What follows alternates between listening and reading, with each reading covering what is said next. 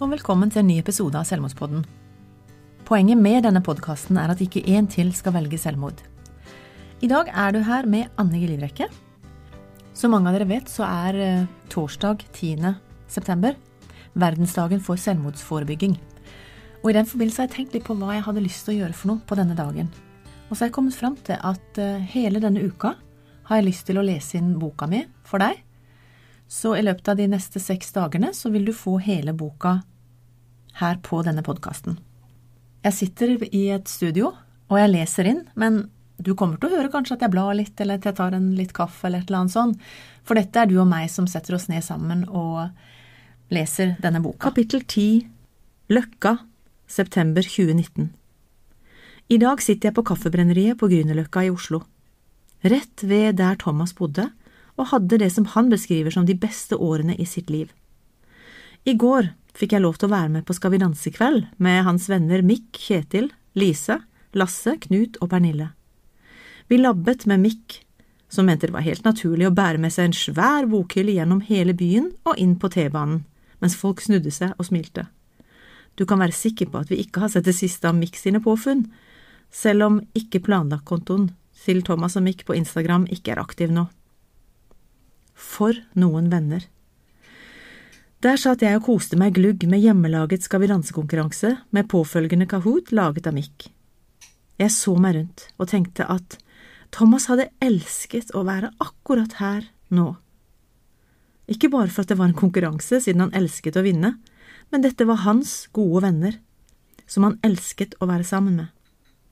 Jeg tapte forresten, men jeg vet at jeg hadde satt inn et ekstra gir hvis han hadde vært der. På en måte er det helt feil at Miriam og jeg var her og ikke han, samtidig som det var usigelig godt å være med hans gode venner.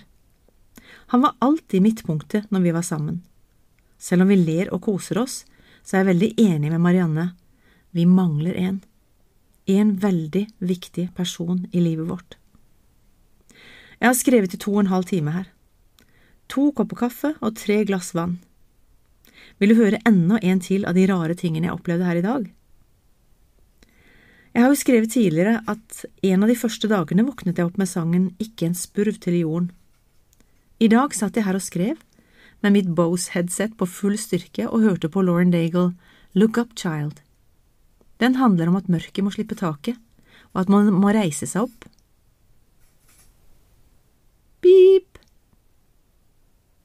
I dag satt jeg her og skrev med mitt Bose headset på full styrke og hørte på Lauren Daigle, Look Up Child. Den handler om at mørket må slippe taket, og at man må reise seg og se opp, for det finnes nok kraft til å fortsette veien. Så ser jeg opp, og rett på siden av bordet mitt står en spurv og kikker på meg, inne i kafeen, rett på siden av mitt bord, når det var 50 andre kunder i kafeen. Den kikker på meg flyr mot vinduet et par ganger, og plutselig er den borte. Jeg spurte de rundt meg om hvor den ble av, men ingen så at den fløy ut døra. Hva skal jeg tro? Jeg velger å ta alle disse små og store tegnene som et tegn fra himmelen om at han har det bra. Jeg kan forsøke å bortforklare og si at alt er tilfeldig, men hva slags liv er det? Jeg skal se etter lys og varme og hilsener fra Thomas og fra ham jeg tror på, hele resten av livet mitt. I varmen fra et blikk av en jeg passerer på gata, i en klem fra hans venner, og møter med mine barn og barnebarn. Jeg skal se etter lyset og kjærligheten overalt. I natt sov jeg i sengen til Thomas, og jeg sov godt. Et siste farvel til leiligheten, der han hadde hatt så mange samlinger med vennene sine som betydde så mye for ham. Diskolys og LED-lysene er tatt ned. Det samme er flagget og Happy Birthday-skiltene som ble hengt opp til bursdagen hans i februar. De to ble enige om at det ble for mye stress å ta de opp og ned siden Mick hadde bursdag i august. For en idé! Men jeg skjønner at det var riktig for dem, siden de feiret hver dag. Tenk å stå opp hver dag til LED-lys og blinkende diskolys både i stua og på badet. I tillegg var Thomas veldig stolt av at han, han bare kunne fortelle Alexa at hun skulle skru på lysene, musikken og alle andre de bedutter. Det var ikke alltid at det virket, men han ga seg aldri, og til slutt laget han sitt eget show hvis elektronikken sviktet. Jeg må jo si et par ord om gamingvennene hans også. Mange har nok et feilaktig bilde av at folk som gamer er asosiale, men dette har jeg skjønt er helt feil. Jeg tror han gledet seg til å komme hjem og koble, koble seg på crewet sitt for å koble av. Jeg lærte av Kjetil i går at de faktisk hadde egne grupper der de kunne høre hverandres stemmer i tillegg til å streame gaminga. Siden han jobbet med dette i forbindelse med jobben sin også, så var jo utstyret i orden på rommet hans. Gamingstol, flere skjermer og diverse ting som jeg ikke aner hva skal brukes til. Han og Mick satt gjerne flere timer på hvert sitt rom på kvelden, sammen med de andre i crewet, og spilte og var sosiale. Det er nesten så jeg har lyst til å lære å game bare for å skjønne enda mer av hans verden. Jeg tror mange av oss som er født på 60- og 70-tallet, må sette oss litt inn i denne nye verdenen av sosiale nettverk for å forstå våre barn og barnebarn. Ikke bare dømme de, fordi de er mye på PC-en, mobilen eller nettbrettet. Jeg har skjønt at sosiale medier og nettverk har vært eh, redninga for mange som sliter med å passe inn på skole, i familie og jobb. Kanskje hadde de ikke orket mer uten denne muligheten. Jeg tror noen av de aller dyktigste gamerne har utfordringer som ikke er så enkle å takle i den vanlige verden, men de lykkes i den virtuelle verden. Som influencers, content managers og gamere er de legender. Er det mindre verdt enn å lykkes på andre arenaer? Hvis man i tillegg virkelig ønsker å hjelpe andre der inne på nettet, og gi av seg selv, være sosial, er ikke det en bra ting? Jeg aner ikke hvorfor dette kapitlet i boka ble om dette. Jeg bare skriver, jeg. Men er det én ting livet har lært meg, er det at jeg ikke sitter på alle svarene, og at jeg har noe nytt å lære hver eneste dag. I min oppvekst var ekspertene de som hadde mest utdannelse, hadde lest og erfart mest og var eldst. I våre dager kan man google seg til nesten alle svarene, og en 15-åring kan være ekspert på sitt felt og kan bli stjerne og styrtrik over natta. Mange i min generasjon svarer med å bli usikre og rakker ned på disse nye kanalene som vi ikke mestrer. Noen velger å kjøre på med mer av det som ikke virker, både i business og i kommunikasjon og markedsføring. Det trygge er jo det vi kjenner og mestrer. Vår kompetanse og posisjon står jo på spill. Betyr det at de unge ikke trenger oss? Jeg tror det er motsatt. De trenger oss mer enn noen gang. Ikke til å peke mot svarene i fortida, eller fortelle de alt de gjør feil men vi må inn i deres verden, se de og være der for dem. Hvordan da? Skal vi alle begynne å game og blogge og prøve å få 500 000 følgere på Instagram? Jeg tror svaret for min del er å være sammen med ungdommer og være åpen og ærlig. Og ikke minst komme over meg selv og mitt eget ego og behov for å komme med fasit på spørsmål de ikke har stilt. Hvis jeg forteller at jeg ikke fikser alt, kan det kanskje hjelpe noen med å tørre å innrømme at de også sliter? De trenger å bli sett.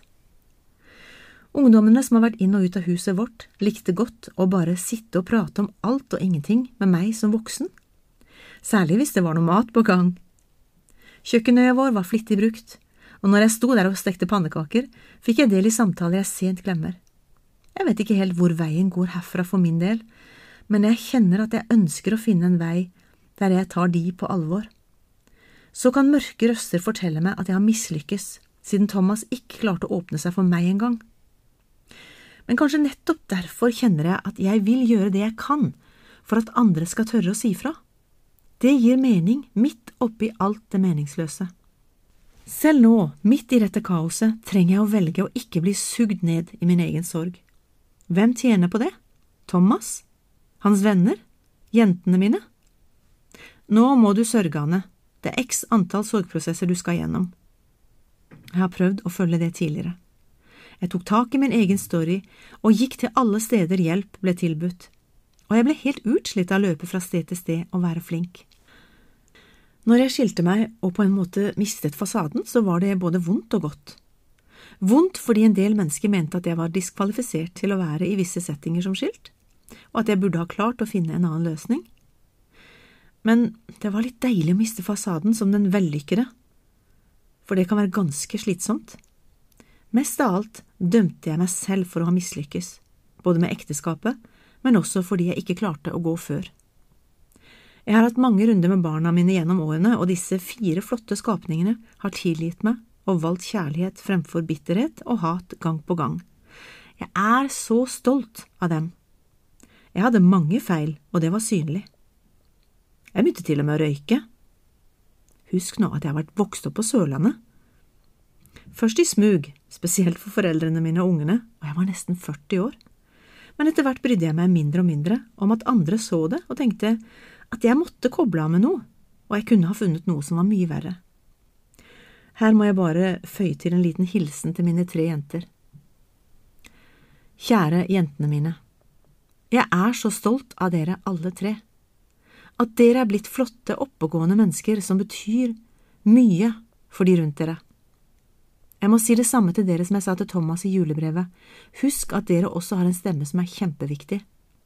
Jeg har gjort mange feil, ikke minst å ikke lytte til min stemme.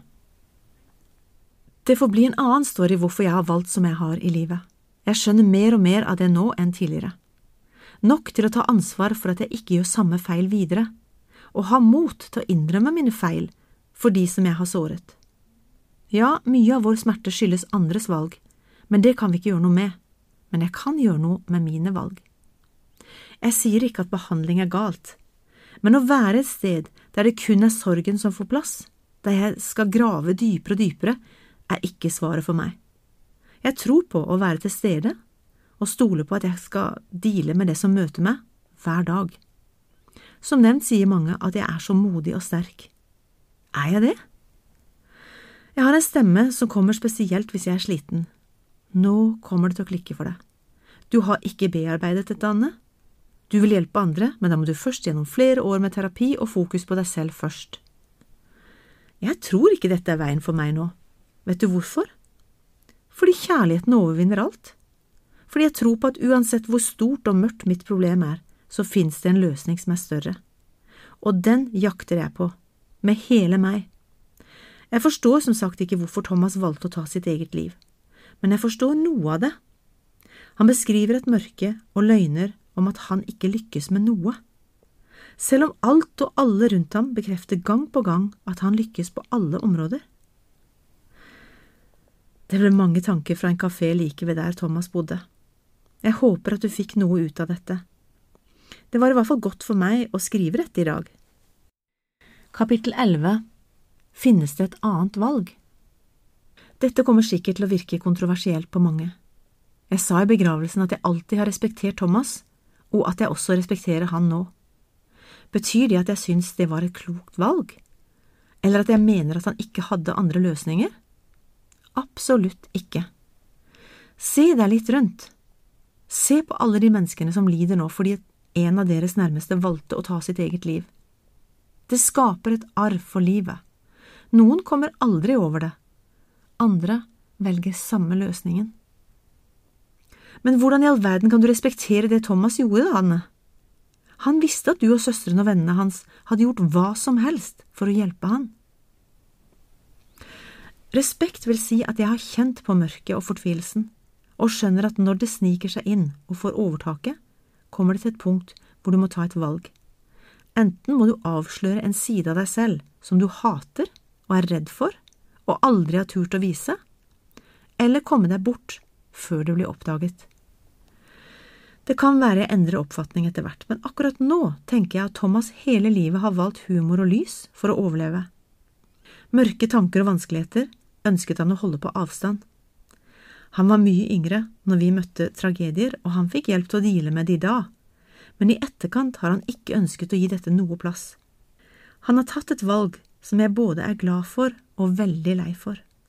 Han valgte å holde mørket tilbake inni seg så lenge som han klarte, og bruke all sin energi på å spre kjærlighet og varme.